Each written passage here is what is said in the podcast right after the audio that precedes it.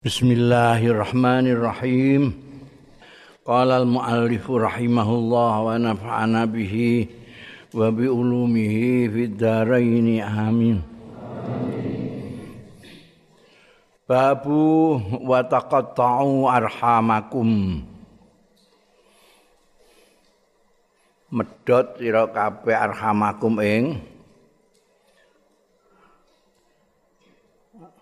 kalau bangsane silaturahim bareng keluarga-keluarga ira, kerabat-kerabat ira.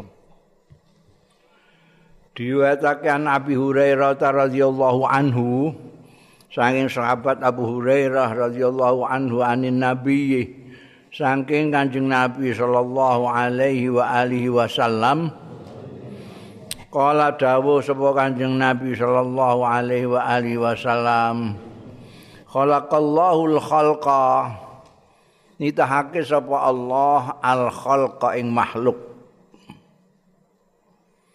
Falamma faragha minhu mongko bareng rampung sapa Allah minhu saking khalq qamatir rahimu jumeneng sapa ar-rahimu rahim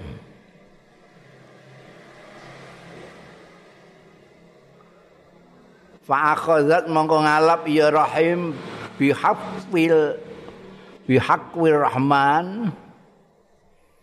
Aku iku an lempeng kene iki sing biasane wong nek arep njaluk apa-apa mbek wong sing wong Arab sing dicekeli kene. Nek cara kene kan gandulan sarong ngono ya. Melok kiai gandulan sarong ngono Ini gandulan ini. Sarung ku ya ora sarunge sing mbok gandul kene sing ganduli ya lipatannya ini yang untuk lipatan. Sing mbok gandul kene kaya iso engko. ini bahasa metafora semua karena rohim itu sanak.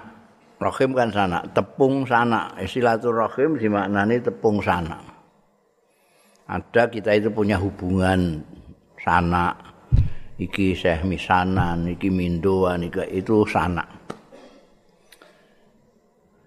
Nah itu sanak itu ketika sudah tercipta semua makhluk, ini, ngadek guandoan hakwir rahman. Nah, iki juga bahasa metafor. Mereka Gusti Allah kok dicekeli sarung itu ya, eh? dicekeli kene aneh itu apa? Maksudnya merengek-rengek ini ar-rahim ini mau minta apa-apa kepada biasanya wong Arab nek njaluk rada ngeyel eh? Apa istilahnya njaluk sing ngeyel ku apa? Hmm? Gak ngoten ngrecik itu megangi gini ya ayo ayo kayak iya kayak ngono. Nah iki jadi apa bahasa metafora seolah-olah nek digambarno manusa iku ngono njaluke nemen sanak iki ning Gusti Allah Ar-Rahman. Ayo coba apa namanya bayangno terus Ar-Rahman nganggo sarung bareng eh, eh? juga kena iki metafor kok. Guandok itu loh artinya gerejek nyaluk tenanan tuh ya. Fakola mongko dawuh sapa Ar-Rahman. Laha marang rahm, rahim sana ini. Mah, iki apa ya? Mah itu isim fi'il amar, maknane ukfuf. Biarkan. Iki apa? Tahan di ngetak supaya melepaskan itu. Tapi saya tetap ngeyel koma kolat. Matur sapa arrahim. Hadza maqamul aid. Utahe menika niku maqamul aid. Panggenanipun tiyang ingkang nyuwun perlindungan bika kelawan panjenengan.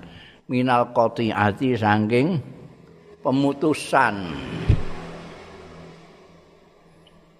saking pegotan Nggih niki saate kapan malih? Niki saate kula nyuwun perlindungan dhateng panjenengan supados mboten putus anak menika.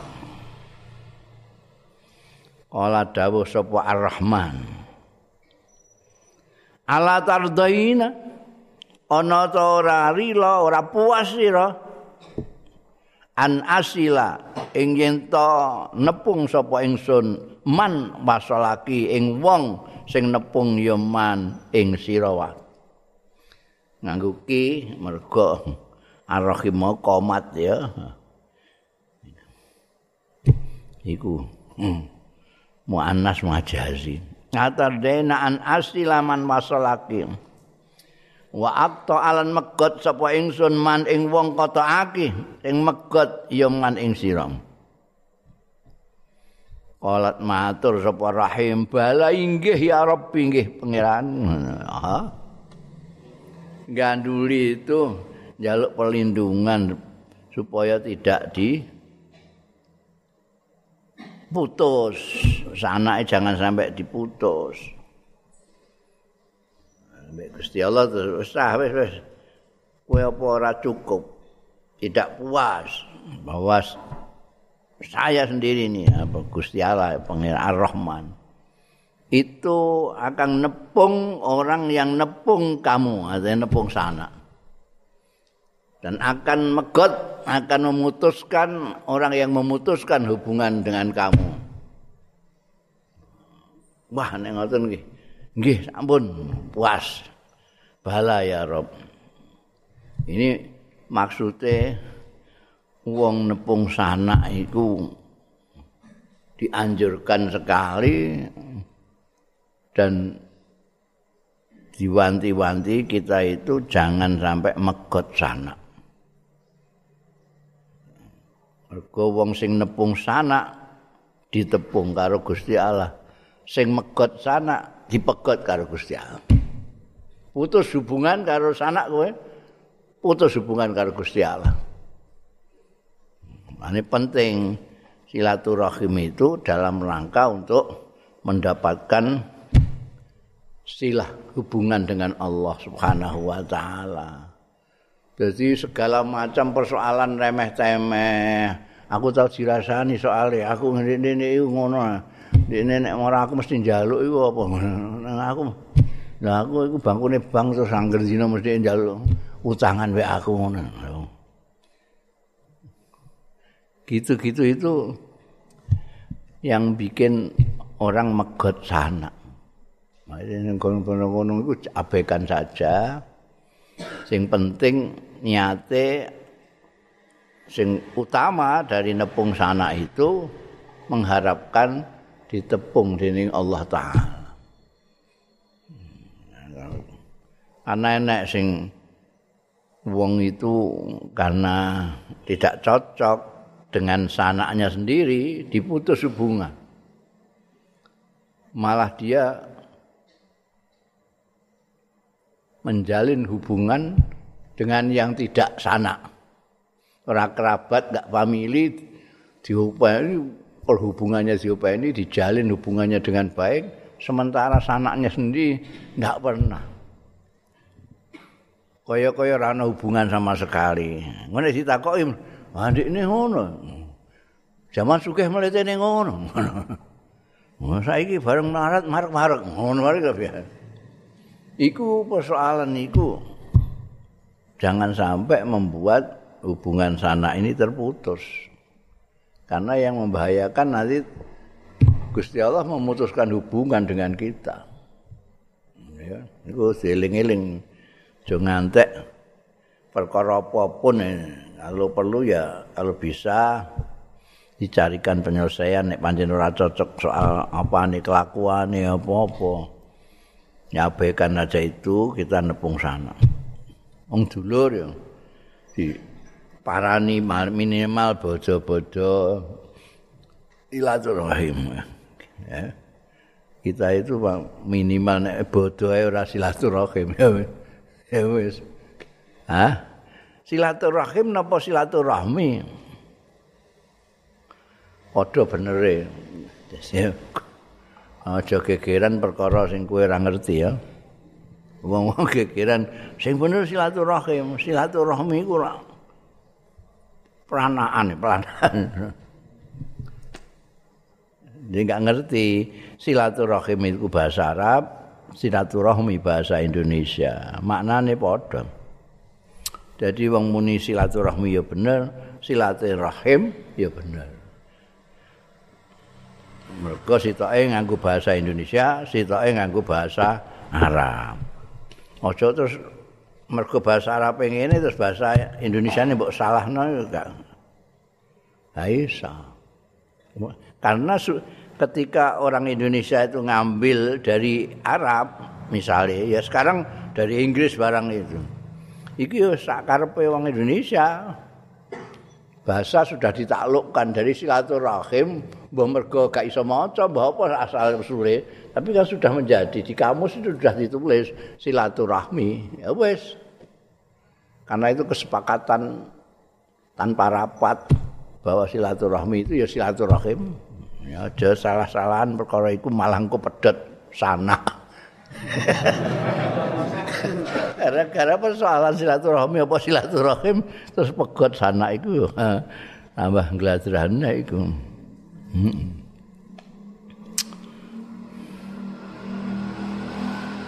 Bala ya Rabb qala dawu sapa Allah taala fazak ar-Rahman fazaka ya kuwi.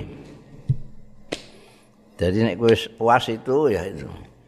Orang akan putus hubungan dengan Allah bila putus hubungan dengan kamu. Artinya sing putus sanak sing silaturahim akan mendapat di jalinan hubungan dengan Allah Ta'ala akan tetap bila mau menjalin hubungan dengan sanaknya. Kala Abu Hurairah dawuh sapa Abu Hurairah radhiyallahu anhu ikra'u in syi'tum. Ning apa Abu Hurairah ngendika karo santri-santrine wong tabiin ya Iqra'u maca sira kabeh in lamun karep sira kabeh fahal asaitum in tawallaitum an tufsidu fil ardi wa tuqaddu arhamakum Jalile Quran bareng. Fahal asaitum ana ana ta. Kira-kira sira kabeh. Asaitum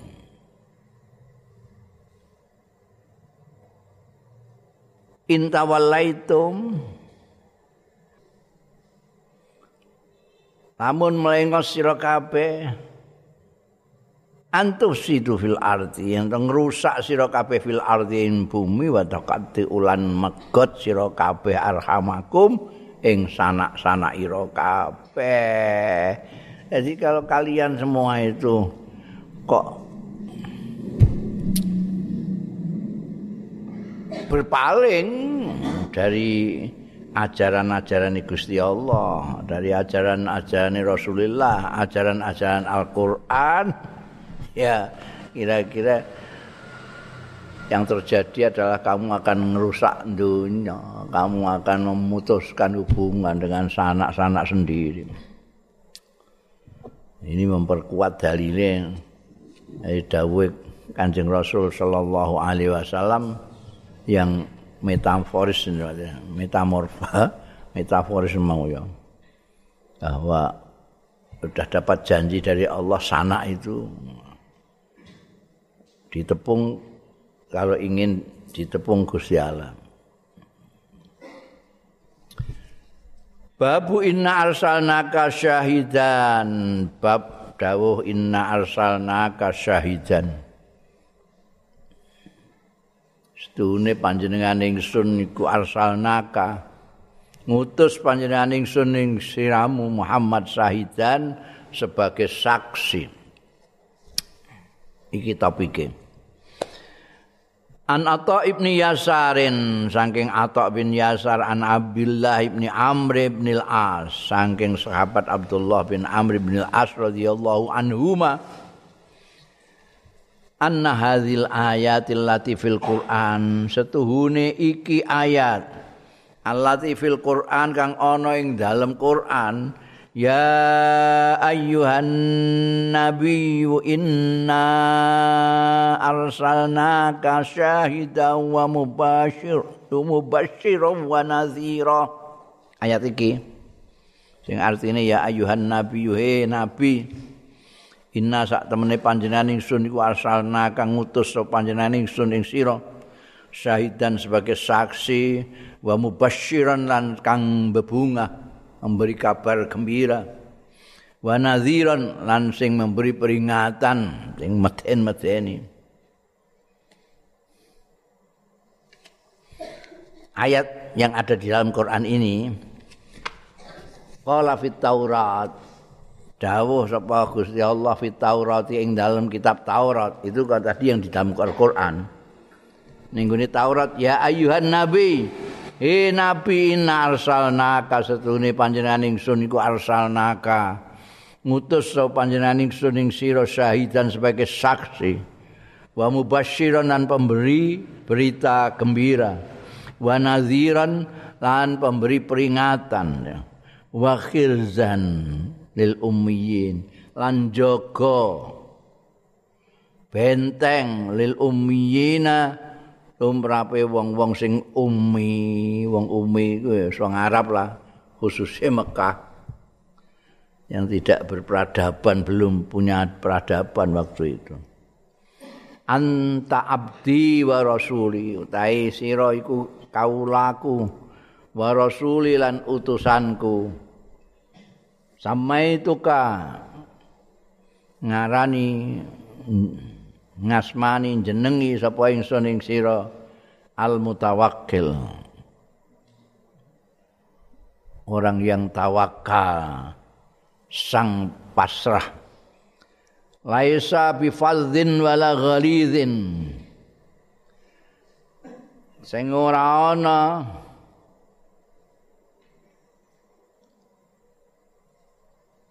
nabi bi fadzin lawan wangkot wala gharidin lan ora kasar ora kejem. Wala sakhabin lara cuawak. Cuawak itu apa bahasa Indonesia ini? Hmm? ini gak ada istilah cuaca cuawak. Oh, berarti bahasa Rembang itu cuawak. Cuawak itu gueneman buah terira karuan. Tengah wengi bareng gak ngerti woi bang woi itu cuawak Apa cara ngono apa? Delah. Eh? Delah. Delah. Kok aneh ngono malah ku. Wah, awak cangkeme omah. Nang puasar iku bombar gembor. Woi, nggih, nggih, nggih. Sakhom. Cuawa. Delah kok delah. Wala sakhabin bil aswaqana ing pasar-pasar. Kuwi nek pasar roh kowe sing wong sakhop itu, cuawai. Eh. Biasane mbekan nggendong apa-apa utawa mikul apa ora. Sah sah sah. sah. Oh, mikir mikir. Walayat fa'us sayyi'ata bis sayyi'ati. Lan ora nolak Nabi maksudnya. Sing syahidan wa mubasyiran wa nadhiran mau? Abdi mau? Rujuke sembarang ning gone abdi ya kena. Maksudnya kanjeng Nabi Muhammad sallallahu alaihi wasallam.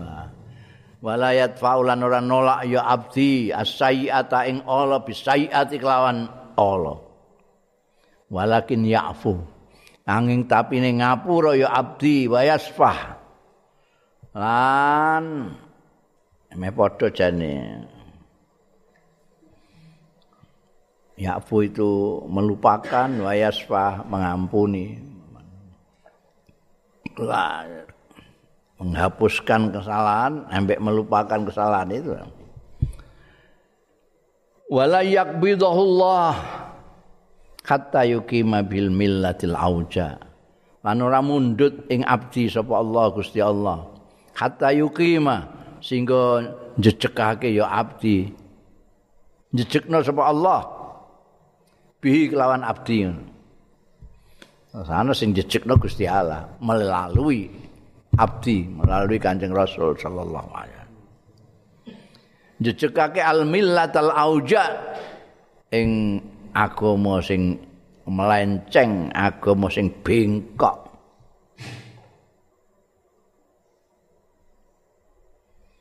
peradaban yang kacau. Bi ayyakulu kelawan ento ngucap ya menusa wong-wong la ilaha illallah. Fayaf tahabihi mongko buka sapa Allah bis. Lawan abdi ayunan ing pira-pira mripat umyan sing buta. Wa azanan lan kuping-kuming suman sing budek wa kuluban lan pira-pira ati hulfan sing ketutup.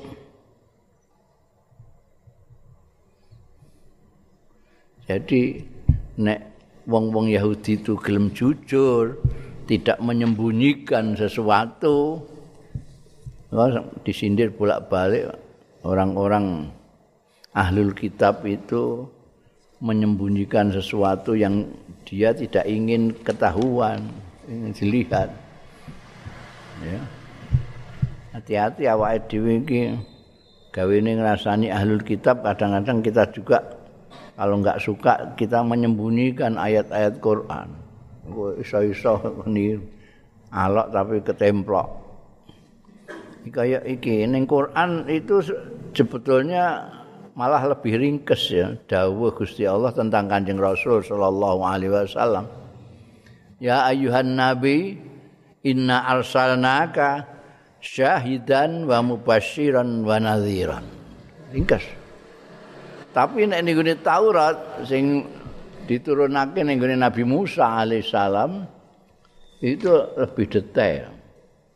Karena ya ayuhan nabi inna arsalnaka syahidan wa mubasyiran wa nadhiran kan ada tambahan nadhiran wa khirzan lil ummiyin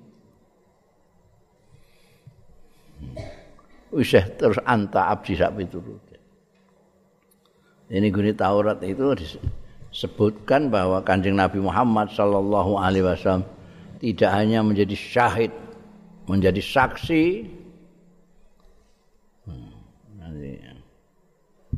Ana umat-umate Kanjeng Nabi ngantek di engko ning kono diperkarakno itu gimana ini orang-orang? Kanjeng Nabi yang menyaksikan mereka ini umatku. Saya bersaksi dia sudah syahadat la ilaha illallah wa anna muhammadan rasulullah. Kita orang juga bersaksi bahwa kanjeng Nabi Muhammad Shallallahu Alaihi Wasallam telah menyampaikan apa yang diperintahkan Allah untuk menyampaikan. Kita suhada kanjeng Nabi syahid. Memberi kabar gembira mubasyiron itu kanjeng nabi itu tugasnya selain menjadi saksi ingin memberi kabar gembira. Mereka yang mau beriman bergembiralah. Kalian nanti akan mendapat kenikmatan dari Allah Subhanahu wa taala. Wa nadhiran memberi peringatan kepada mereka yang tidak mau ikut tidak beriman kepada Allah. Malaikatnya Allah kitab-kitabnya Allah utusan-utusannya Allah turute awas. Kamu nanti akan mendapatkan siksa yang menyakitkan. Itu naziran wa khirzan lil ummiyin. Di Taurat ada tambahnya itu. Wa khirzan lil ummiyin. Menjadi benteng tumrape orang-orang ummi Dulu orang Umi tidak punya benteng. Tidak ada. Yang melindungi tidak ada. Kalau yang lainnya, ini orang-orang yang ahlul kitab dilindungi oleh Roma. Orang-orang yang tidak nyembah Gusti Allah, nyembah geni dilindungi karo Parsi. Adik kuasa dua ini melindungi orang-orang ahlul kitab dan melindungi orang-orang majusi yang nyembah. Orang-orang Umi, orang Arab, ya, terutama yang ada di Jazirah Arab di Mekah itu, nggak ada. Mereka tidak mengenal peradaban Barat maupun Timur, Rum maupun Parsi. Mereka dilindungi oleh kanjeng Nabi Muhammad Sallallahu Alaihi Wasallam. Karena mereka ikut kanjeng Nabi mereka terlindungi. Ya. sampai ketika kanjeng Nabi sudah tidak ada pun agama yang ditinggalkan oleh kanjeng Nabi melindungi mereka. Bahkan bukan hanya mereka saja seluruh orang-orang mukmin dilindungi. Ya Anta abdi wa rasuli sama itu kal mutawakil. Tuhan sendiri yang menamakan kanjeng Nabi al mutawakil. Kanjeng Nabi itu asmani pirang-pirang. Ada yang pemberiannya orang-orang, ada yang pemberiannya Gusti Allah Ta'ala. Di antara yang pemberiannya Gusti Allah Ta'ala al mutawakil. Karena contoh orang yang tawakal itu adalah kanjeng Rasul Sallallahu Alaihi Wasallam. Ada orang itu yang mengatakan tawakal tapi sebetulnya dia tidak tawakal karena dia tidak pernah ikhtiar apa-apa. Tawakal itu setelah ikhtiar. Dawe Kanjeng Nabi ketika ditanya ini kendaraan saya itu saya cancang atau saya tawakal saja kepada Allah. Kanjeng Nabi memberikan arahan ikil batawakal. Cancang tawakal. Peda motormu itu kunci lagi tawakal. Ojo rambok kunci mau mbok pasrahno Gusti Allah. Bangkune Gusti Allah tempat penitipan sepeda motor itu. Jadi kunci pak tawakal. Mulai kanjeng Nabi disebut Gusti Allah Ta'al Mutawakil, orang yang pasrah. Kanjeng Nabi musyawarah dulu, itu bagian dari ikhtiar. Arep perang, arep apa ae musyawarah karo sahabat-sahabat. Segala apa yang diperlukan diikhtiari dulu. Baru ketika itu tawakal. Seperti arahannya Gusti Allah Ta'ala sendiri Wa idza asamta asale wasawirhum bil amri. Fa idza azamta fatawakkal 'ala Allah. Setelah musyawarah barang sudah ya, sudah bismillah. Nah, laisa bi fadhin wala ghalidhin wala sakhab. Dan ini nyata seperti yang dikemukakan di Taurat ini Kanjeng Nabi ya seperti Kanjeng Nabi disebutkan di Quran fabi rahmatin minallah lintalahum. Walau kunta fadzan ghalidhal qalbi lam faddu min khailik min khaulik ning Taurat disebutkan laisa bi fadzin wala ghalidhin. Tidak kejam tidak kasar tidak brutal tidak sangar. Kanjeng Nabi tidak. Apalagi sahab tidak cuawak. Apa bahasa Indonesia ini cuawak? Mau nih banget delah ya. Apa bahasa Indonesia ini delah? Hmm? Mesti ono. Cuma kita enggak enggak enggak, enggak tahu buka-buka kamus. Ono masuk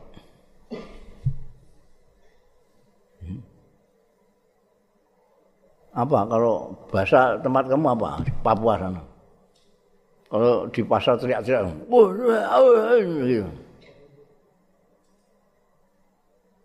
hmm, kok ngeliatin sini? Ayo kamu apa? Kamu lihat sana lagi tak bapak tak kok kono kono nyaut ngingiti kene kene ngingiti kono. Apa? Hah? Paribu. Paribu Paripu. Apa? Coba. Paribu. Paripo. 2000. itu ada yang suka teriak-teriak di pasar itu apa? Cuawak kalau bahasa Rembangnya itu. Uh, mulut besar. Ini dengan bahasa Indonesia mulut besar. Itu kasih Nabi itu. Itu Nah, iku nek umat iso kaya Kanjeng Nabi ngono ya, dunya iki ya. Oh, anteng ya, peradaban ini kan jadi terbina itu. Tidak kasar, tidak kejem lah. Wong Islam dhewe sing dakwahno ngajarane Kanjeng Nabi Muhammad sallallahu alaihi wasallam kejem, fadzon ghalidon, kasar gak karuan. Ada orang itu yang ketika duduk-duduk gini ya, ya anteng halus gak karuan ngomong ya halus. Halus. Tapi kalau naik podium, itu terus bentak-bentak ngamuk-ngamuk. Itu ada. Itu gawan speaker. Gawane mikrofon. Nek delok wong itu kayak cuy kabeh. Itu kayak bajingan kabeh. Dua terus ngamuk terus. Ngamuk, di dua podium ngamuk. Padahal nek bocah jagongan ya ora. Biasa wong apik kalem. Wono. Ora usah tak sebutno jenenge iku. Ndak mbok goleki. Kait ono. Jadi dia menjadi ghalidul qalbi, fadzun, menjadi kejam, menjadi kasar itu pada saat dia justru sedang dakwah, mendakwahkan ajaran Kanjeng Nabi itu yang aneh banget. Mesine kowe nek ning gone kakus dhewean kejemo enggak apa-apa kowe. Perengat-perengut cek apa. Tapi nek di depan umum kamu harus memperlihatkan kelembutan. Bar gembor ning kamar mandi silahkan. Ning pasar gembor-gembor berbeki kuping. Ini lagi yang sulit lagi itu layat faus sayyi'ata bisayiati. Oh ini angel itu. Tidak pernah kanjeng Nabi itu membalas keburukan orang dengan keburukan. Dipisoi ora kok terus bisa. Dengkulmu amo, watakmu krewak. Orang-orang ngono iku kanjeng Nabi ndak ada. orang yang menyakiti kanjeng Nabi tidak akan mendapatkan perlakuan yang sama dari kanjeng Rasul. Kanjeng Nabi itu yakfu wa yasfah. Yakfu wa yasfah. Karena memang arahan dari gurunya, dari yang ngutus begitu. Wa'fu anhum wastaghfir lahum. mereka ini anak buah, anak buah itu biasa. Mesti di bawah kamu. Mesti tidak sepandai kamu. Mesti tidak semulia kamu. Mesti tidak berakhlak sebaik kamu. Kamu harus memaklumi. Jadi kowe nek rumangsa luwih hebat timbangane wong, ya kowe harus lebih lapang dada. harus pemaaf. Kecuali nek kowe memang di bawahnya atau selevel. Nek arep piso-pisoan ya kono. Wong kowe selevel. Wong bedakno kowe ambekan bajirut iku mau ya gak iso. Sing bajirut mbok kowe mbok ndekne. Wong padha misoe. Kan gitu. Satu level. Tapi nek kowe dipisah itu mbok guyu ngono ta.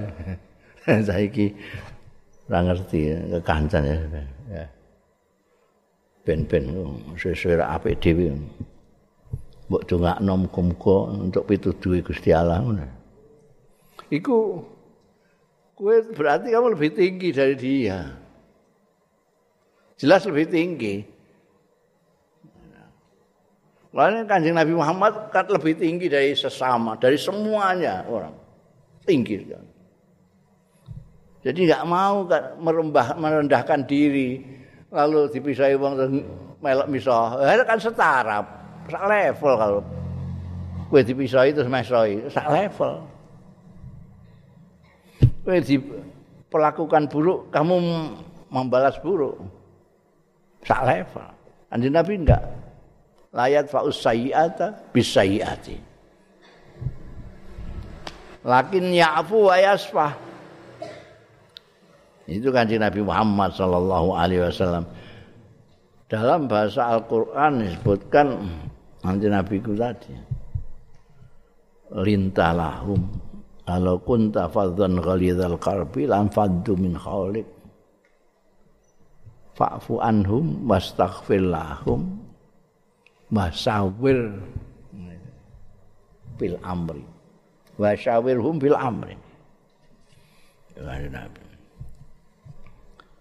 mulane orang itu ambek kancing Nabi Muhammad sallallahu alaihi wasallam itu mengkultuskan. Jadi coba salah orang-orang mengkultuskan kancing Nabi Muhammad sallallahu alaihi wasallam. Dawi Imam Busiri asal jangan niru mereka yang mempertuhankan utusannya Allah. Ang ngelemo sak kayangmu. Enggak apa-apa, mengkultuskan enggak apa-apa, memang itu luar biasa. Iso piye? Dadi pemimpine wong semono akeh iku sing jenenge Arab itu belas tidak tahu peradaban sama sekali. Anjing Nabi wis dianggap padha ae mbekan kanca-kancane ngono ae. Nek njualuk ya mbekan narik-narik astane Kanjeng Nabi. Ambine cokel. Ayo bagi ya. Bagi ya Pak dhewe piye ngono iku. Ngomong buan ora karo mbek Kanjeng Nabi. Lah iku nek ora Kanjeng Nabi ya. Wong sekapat-sekapat sing perso iku kudu nempiling ae mbek wong-wong ngono iku. Kanjeng Nabi ndak njarno njarno. Ya'fu wa yasfa. Sing tak gumuni kok umate kok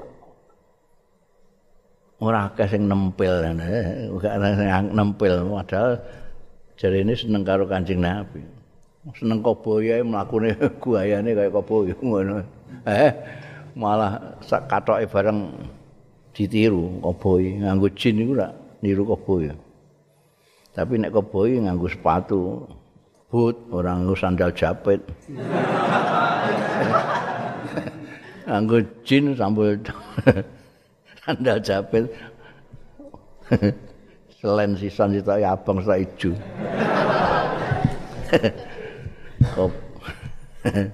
koboi kesasar ya. Kuwi kuwi niru. Iku bener nek dene seneng kebo wong ditiru sampai celanane bareng. Mlakune barang ya ditiru. Muni seneng Kanjeng Nabi. Ya mau ngelam-ngelem ngono tae. Tanpa kepengin niru. Barang niru yo keliru sisan. Eh? niru keliru. Niru gondronge Kanjeng Nabi, niru Kanjeng Nabi. Kanjeng Nabi, Kanjeng Nabi gondronge terukur ngono. Iku semene ayo gondrong semono ngono niru Kanjeng Nabi piye? Ku niru wong wedok iku. Kanjeng Nabi semene iki. Kaya aku ngene iki lho.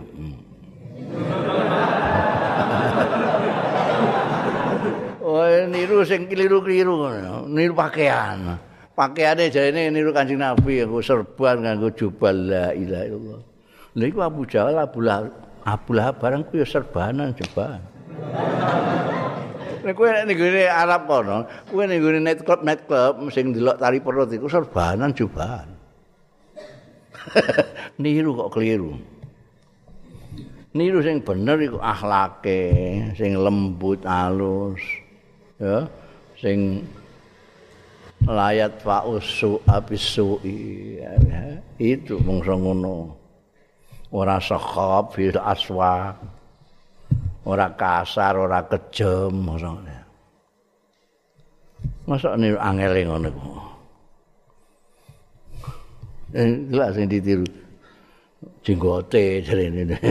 Nah iku wong Yahudi jenggoten kabeh. Jelas Itu keliru. Niru kanjeng Nabi ku ya akhlake. Kanjeng Dewi, kanjeng Nabi dhewe ku ngendikakno kok nanti itu orang yang paling dekat dengan Rasulullah yaumal kiamah itu yang paling parek akhlake karo kanjeng Nabi. Aha. Ahsanukum khuluqan. Yang perilakunya, akhlaknya lebih mirip kanjeng Nabi itulah yang lebih parek dengan Rasulullah nanti itu. Ora kok njalile ora kok. Niru njobone tapi keliru sisan. Dan di Taurat sudah disebutkan nanti itu nabi yang seperti itu itu tidak akan wafat dipundut di Gusti Allah sebelum agama ini jejak.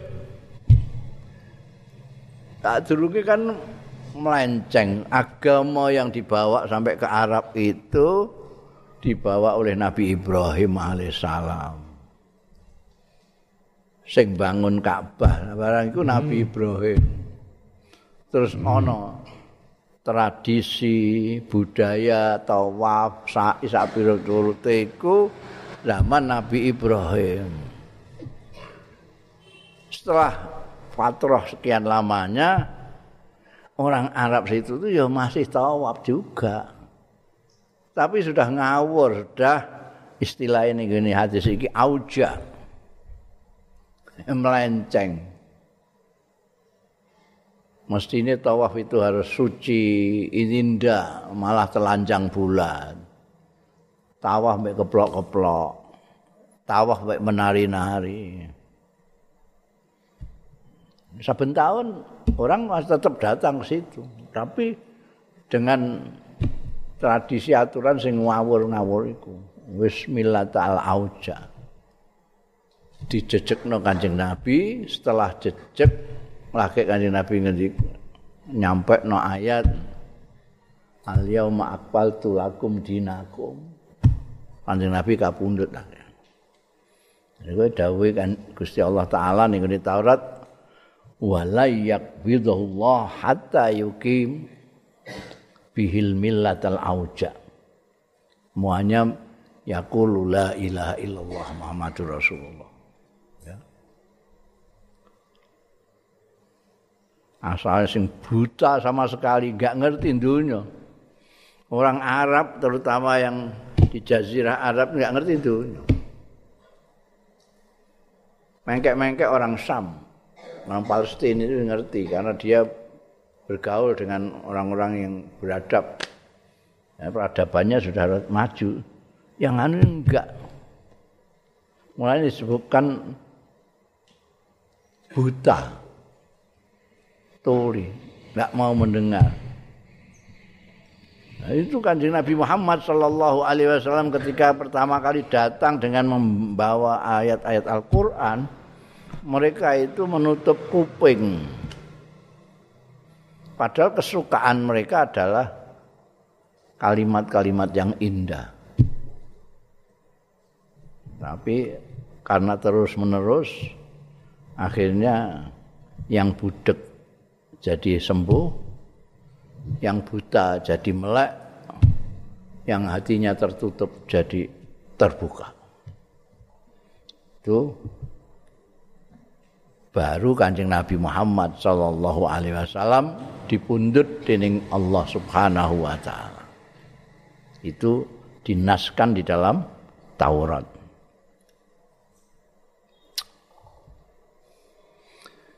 Babun hal min mazid ana ta min mazidin isih ana luwean tambahan.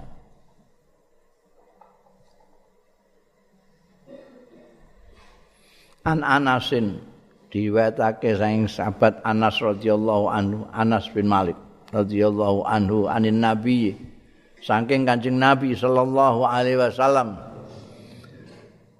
Kala dawuh sapa Kanjeng Nabi sallallahu alaihi wasallam yulqa diuncalake finnar. Apa sing diuncal ya ahli neraka ahli neraka diuncalna finnar. Ora sambok takokno yulqa finnar. Sing diuncalna sapa? Dengan ada finnari kowe ngerti nek sing dilebokno ning kono ya mesti sing ahli neraka mosok yulqa finnari ahli swarga kan ya oke padha karo utu ila sabili rabbika iku gak dijelasno sing diujak sapa? Utu ajaklah. Mergo wis ana ila sabili rabbika sing dijak ya sing durung ila sabili rabbika sing wis ila rabbi sabili rabbika mbok jaklah apa? Ajaklah orang naik bis wong sing ning jero bis mbok jak numpak bis ku piye sing durung iki sing isih ning terminal itu ini juga gitu yulqa finnar artine wong-wong ahli neraka diceplok ning neraka wa taqulu an ngucap sapa nar hal min mazid sehona neh ta hal min mazid sehona neh sehona neh kok wis seseke kene kata yadha'a qadamahu. Sehingga nyelehake sapa Allah qadamahu. Ing dilamaane iki seperti kemarin itu. Istiwa singgasana segala macam ya yad wajun itu ungkapan-ungkapan yang banyak sekali terdapat di dalam Al-Qur'anul Karim. Sekali lagi ada pendapatnya ulama salaf dan pendapatnya ulama kholaf. Ulama salaf itu mengartikan seperti apa adanya tanpa kita harus menggambarkan seperti apa. Karena itu jelas tidak seperti kita. Kalau di dalam Al-Quran ada yadullah, ada tangan Allah, itu jelas bukan seperti tangan kita. Tapi tetap dimaknani tangan karena itu dawuh Quran. Sedangkan tangan yang kayak apa, ya kita nggak tahu. Yang jelas tidak seperti tangan kita. Iku nek salam. nek kholaf karena ternyata memang banyak yang kemudian punya aliran mujasimah itu menganggap Gusti Allah di tangan kayak kita barang ini. Maka kholaf hati-hati. Jadi semuanya dimaknani kalau istiwa artinya menguasai. Tangan dimaknani di tangan Allah. Itu dalam kekuasaan Allah wajullah dimaknani zatnya Allah itu Nah ini juga gitu ya ada qadamahu ini artinya uh, menindas, menginjak, menganu. Menginjak. Ya, menginjak sing orang aku sikil apa sih? Eh? Sing ngijaki mungkin sing ngijaki semut ngono ora. Eh? Jenenge ora menginjak no. Nek semut sing ngijaki. Kowe disindaki semut wah aku diinjak-injak semut kan kamu kan enggak mungkin. Nek gajah nindaki kowe kan pantes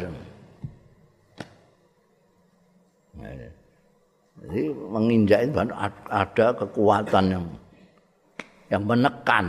Ada kekuatan yang menekan dari Allah Subhanahu wa taala. Supaya kowe paham nganggo istilah qadam yadau qadamahu ya. Kowe kan iso nek mbayangno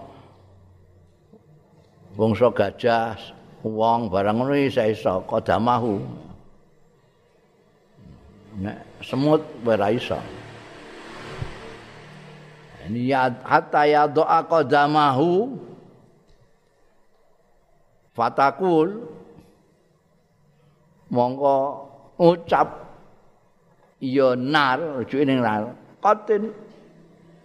Qatin. Qat cepat ya. Cekap cekap. Cekap angger dileboni wong ahli neraka nerakane sehanten malih ngono. Tambah sinjai. Wae wis ah hmm. Nanti gembor-gembor cekap cekap ngono kotin kotin itu. Sampun sampun. Ora ditambahi wong tapi dipenet mbek Gusti Allah taala.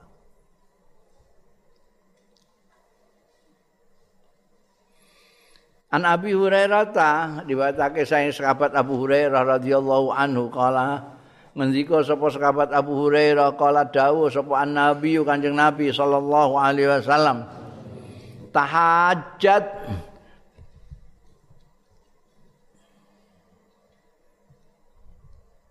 bantah-bantahan sapa al jannatu swarga wan naru lan neraka Makalatin nar. Oh, ucap apa annaru neraka? Uristu bil mutakabbirin. Eh? Diistimewakno sapa ingsun. Dipilihno sapa ingsun bil mutakabbirin. Kelawan wong-wong sing gumedhe kabeh. Wal mutajabbirin. Orang-orang yang kumalungkung. Oh, orang-orang yang hebat-hebat iku kaya Pirngon eh Hitler barang al mutakabbirin wal mutajabbirin apa istilah iku diktator diktator nang kene kabeh Gak ana cepete-cepete ning kene gak ana. Wa qalatil jannah. Anu ucap apa al jannatu swarga. Mali layat khuluni illa du'afa nas.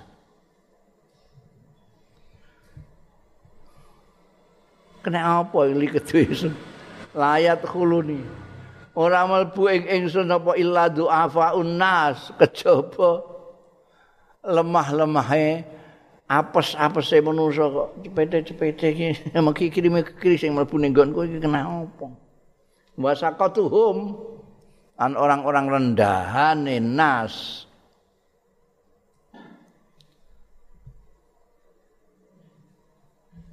Qala Allah tabaraka taala dawuh sapa Gusti Allah tabaraka taala lil jannati marang swarga. Anti rahmati. Utawi sira iku swarga iku rahmati rahmat ingsun arhamu ngrahmati sapa ingsun. Biki kelawan awakmu sira. Aku ngrahmati maning wong asau sing ngersake sapa ingsun min ibadi saking kawula-kawula ingsun. Eh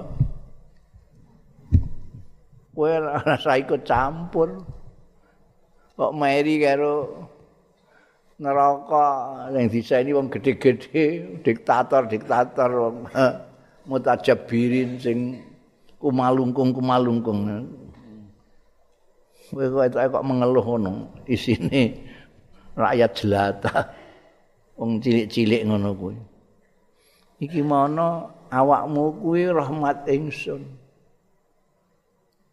sing tanggung rahmati kawulaku ya awakmu kuwi Lah sing tak rahmati ya sak karepku. Wong aku iku maha semau gue.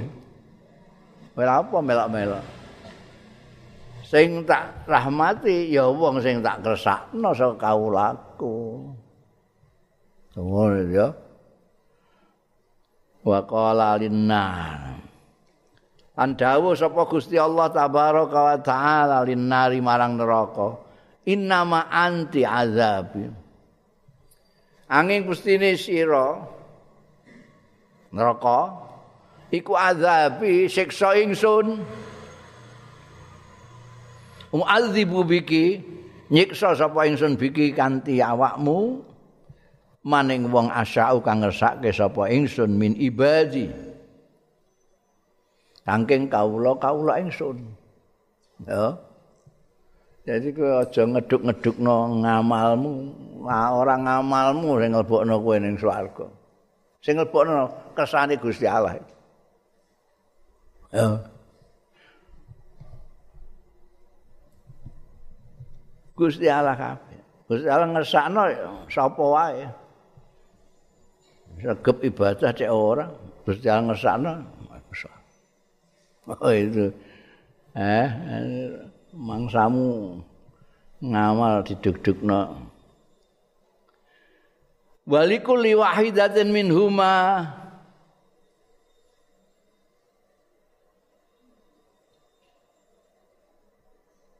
lan iku kedue masing-masing minhuma saking neraka lan swarga mil uha te kebeke kulu wahidatin. Fa amman naru mongko setuhune ana dene neraka fala tamtali mongko ora kebek ya nar hatta yad'a rijlahu. Sehingga meletakkan nginjak apa yad'u nyelehake. Ya Allah taala rijlahu ing sukune Allah taala. Biki hmm? ya ada urijlahu fatakulu. Mongko ngucap ya nar qatin qatin qatin. Ampun cekap cekap cekap. Sekali lagi rijlahu padha karo mau qadamahu padha karo yaduhu segala macam wajuhu itu banyak istilah-istilah untuk gampang no kue paham. Tapi tidak mungkin itu Gusti Allah seperti kamu. Kodam terus di sikil kayak sikilmu. Kayak sing tak gambar no iku meja kursi mbakas tukang kayu itu wis ra sing bener ya tukang kayu ini muni sikil terus mereka rembukan sikile apa pesagi apa sikandane sikile ana wulune malah bingung kabeh Lha ya. Lah kowe nek diomongi apa anane mongko nganggo bahasane Gusti Allah, kowe tambah ra mudeng Gusti Allah iku dhuwur banget. Wong kowe karo pitik ae nganggo bahasane pitik ora. Nek kowe nganggo bahasamu pitik ora paham. Wingi nek tak contohno, mbek pitik mbok kandhani. Pun saya utek. Iki tak tanggo mepe pari anu lho. Jembok encak-encak ganti duka. Ya ini mah encak-encak ini, gak paham kok. Ngono malah paham deh ini. Bahasa sederhana nih pitik. Jadi ada bahasa-bahasa Al-Quran itu. Orang wong kutho nek ngarani metafora itu yang tidak jelas. Jadi jangan kamu bayangkan uh, sikil kayak sikilmu. Ya ada urijlahu patakulu. Kita percaya seperti itu. Bentuknya seperti apa kita tidak tahu. Nek model ulama khalaf pokoknya diinjak, ditekan neraka itu sampai dia mengatakan sudah sudah, ampun ampun cekap cekap. Jadi terus isinya terus saya sampai di idai karo Gusti Allah. Fahunalika tamtali ana ing kono ketika diinjak sama Allah taala tamtalik kebek apa wa yuzwalan tuampuh ba'duha sebagiane ila ba'din maring sebagian yang lain. Artinya isine ahli neraka itu tetel-tetelan wae. Sudah. Harus tinjak karo sejalan isine. Ba'duha ila ba'din. Wala yazimullah azza wa jalla min khalqi ahadan lan ora nganiaya sapa Allah azza wa jalla min khalqihi saking makhluke Allah taala ahadan ing seorang pun. Gusti Allah tidak akan ngani ngoyo kawulane. Mereka kalau dijejel-jejel ning neraka itu ya karena perbuatan mereka. Bukan sudah dikandani Gusti Allah wis di ngendikani supaya enggak ke neraka ya ini ini harus lakukan. Jangan lakukan ini kamu nanti ke neraka wis kandhani. Jadi orang zalimi mereka. Itu kalau ning neraka ya, nah, mereka sudah. Wa amal jannatu ana dene swarga. Fa innallaha azza wa jalla yunsi'u laha khalqan. Wa innallaha mangkastune Gusti Allah iku yunsi'u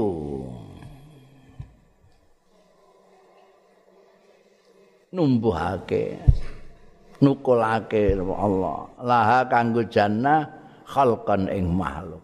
Artinya apa? Kalau di neraka tadi terbatas sudah pokoknya janji wis diindai Gusti Allah. Neraka wis cekap cekap cekap wis ndak ada lagi yang masuk ndak ada lagi yang masuk. Tapi kalau swarga tidak Gusti Allah itu Ya Allah tidak zalimi makhluknya, tidak mendalimi kaulah. Sumargo ini tidak ada penuhnya. Karena Allah akan orang sudah masuk surga kafe.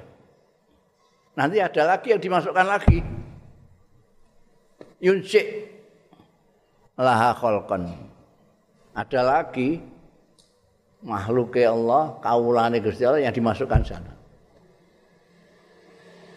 Misalnya orang-orang jane pantas ning neraka nek ini pantes Tapi di ngapura Gusti Allah, masukkan swarga. Orang yang mesti ini di swarga disapaati Kanjeng Rasul sallallahu alaihi wasallam masuk swarga. Ana sing malah wis gosong disapaati Kanjeng Nabi dilebokno swarga. Swarga itu kalau neraka, neraka wis ndak dipenyet wis gak ana sing arep iso dilebokno neh. Najan nerakane sing gembor-gembor. Hal min masjid, hal min masjid. Tidak ikas Gusti Allah. Pun pun pun cekap. Nek swarga masih terbuka untuk khalqan baru. Karena ada orang-orang yang tadinya di neraka dimasukkan ke surga. Orang yang sebetulnya kurang pantas lah bangsane Abu Nuwas barang itu. Sing rumangsa ora pantas ning ngene swarga. Lastu lil firdausi ahlan. Tapi wala aqwa alan nari jakim ya kira-kira madhabmu lah ya. Mulane senengahmu muni ilah-ilah setuli itu. Sak madhab karo Abu Nuwas. Itu nanti ambek Gusti Allah diyunsik laha khalqan ning ngene swarga. Orang-orang yang seperti itu, mbah mboten kiat Gusti teng neraka. Ya wis kana ning swarga. Adalah sing asale ning swarga wis dikebaki mbek wong-wong sing apik-apik. Ini orang-orang sing rada elek. Bahkan sing bedik banget melok dilebokno ning kono. Itu rahman rahim Gusti Allah taala. Ora mau layazlimu tapi yarhamu. Babul lati wal uzza. Allah